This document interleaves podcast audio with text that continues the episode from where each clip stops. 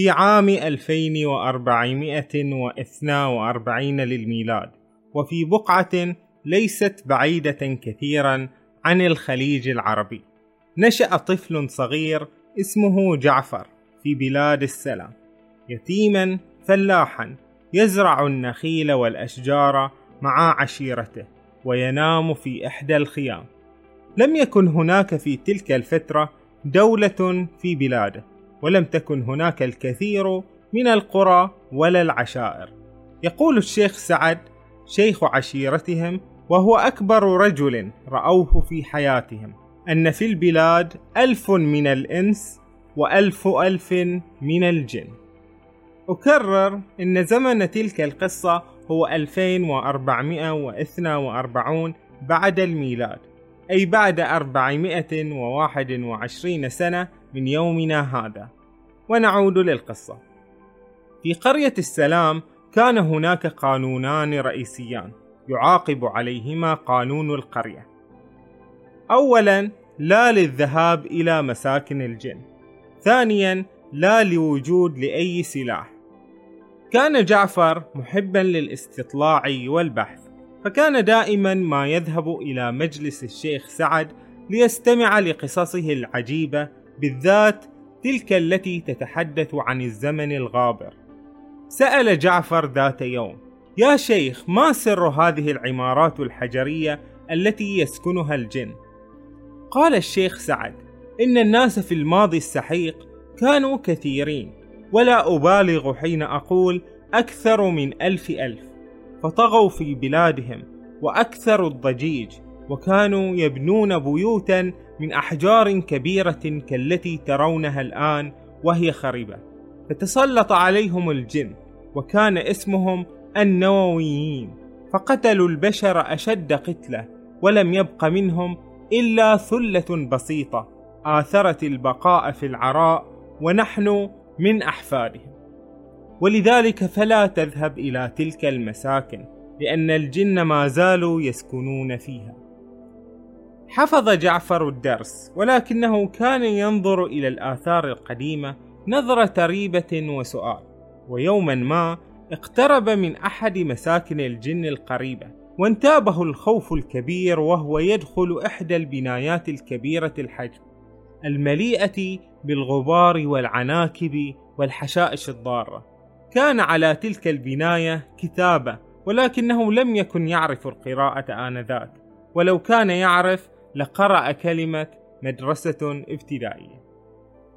في ذلك المكان وقع بصره على كتب مدرسية للأطفال وهو الذي لم يكن قد شاهد كتابا قط ورأى شاشات عرض وأجهزة لوحية لم يسمع بوجودها فتعلق بذلك المكان وأدرك أن ليس به نفر من الجان بل فيه تفاصيل عن الزمن القديم. وخلال سنوات عديدة أبقى جعفر ذهابه للمدرسة سرا لا يخبر به أحد. وخلالها تعلم جعفر القراءة وأخذ يطلع على مقاطع فيديو لتلك الأزمان السحيقة. رأى كيف أن الحياة آنذاك كانت أجمل وأكثر تطورا وصار مؤمنا بضرورة أن تستفيد بلاده وكل العشائر من كل هذه العلوم وتطور من معيشتها للأفضل. عندما كبر جعفر ذهب إلى الشيخ سعد، ولما وصل إليه وجد رجلين اسمهما ضرغام وسيف جالسين في محاكمة أمام الشيخ سعد بسبب ارتكابهما جريمة ضرب الأبرياء بالعصا واليد. فقاطع جعفر المحاكمة وقال للشيخ: لدي شيء سوف يجعلنا نصل إلى القمر. وأخرج من بين يديه كتابا في تعليم القراءة وجهاز آيباد. وبدأ بالحديث إنها ليست مساكن جن إنها علوم وتقنيات وتطور.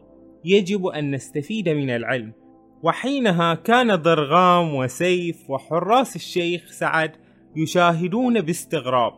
قام الشيخ سعد غاضبا وأخذ الكتاب والآيباد وخبأهم ونادى بأعلى صوته قيدوه واسجنوه في خيمته. بعد عدة أيام دخل الشيخ سعد على جعفر في خيمته وقال له إنك لا تعرف شيئا. أنا أعرف كل شيء وبحوزتنا كل العلوم التي بإمكانها أن تطورنا للأفضل. ولكنك لا تفهم لماذا تحول العالم من عالم يعيش فيه المليارات إلى عالم يعيش فيه المئات والآلاف. أعرف حدثت حرب عالمية نووية ولكنك لا تفهم ما يعني ذلك. لم يمت الناس بالقنابل بقدر ما ماتوا بالإشعاع النووي. إن كوكب الأرض فاسد ومليء بالتلوث النووي وسيبقى كذلك لمئة ألف سنة. ذلك الإنسان الذي حصل على العلم. لو كان حكيما لما أقدم على عمل قنبلة واحدة. وأكمل. لقد أصابت البشر تشوهات وأمراض شملت الجميع وكانوا على وشك الانقراض لم ينج سوى المئات من البشر في نواح متفرقة من العالم كان أجدادنا من بينهم قال جعفر دعنا من الماضي لنبدأ في تطوير أنفسنا من جديد ورد عليه الشيخ سعد لماذا؟ لكي نعد قنبلة جديدة ونقتل بها بعضنا؟ وأخرج ورقة قديمة. كتب فيها تعهد وتوقيعات مؤسسي بلاد السلام. وأكمل الشيخ سعد. إن أسلافي من الحكماء الذين نجوا من الموت تعاقدوا على أن يبقوا هذه البلاد بعيدة عن الحضارة الشيطانية السابقة وأن يمنعوا أحدا من الذهاب إلى بناياتهم. ولذلك كنا نقول إنها مساكن الجن. قال جعفر لماذا تحجبون الحقيقة عن الناس؟ رد الشيخ سعد لأنهم ليسوا حكماء ليتحملوا تبعاتها ثم ترجى الشيخ سعد من جعفر أن يبقي هذا الموضوع سرا ويترك هذا الأمر على أن يكون هو حكيم القرية بعد وفاة الشيخ سعد.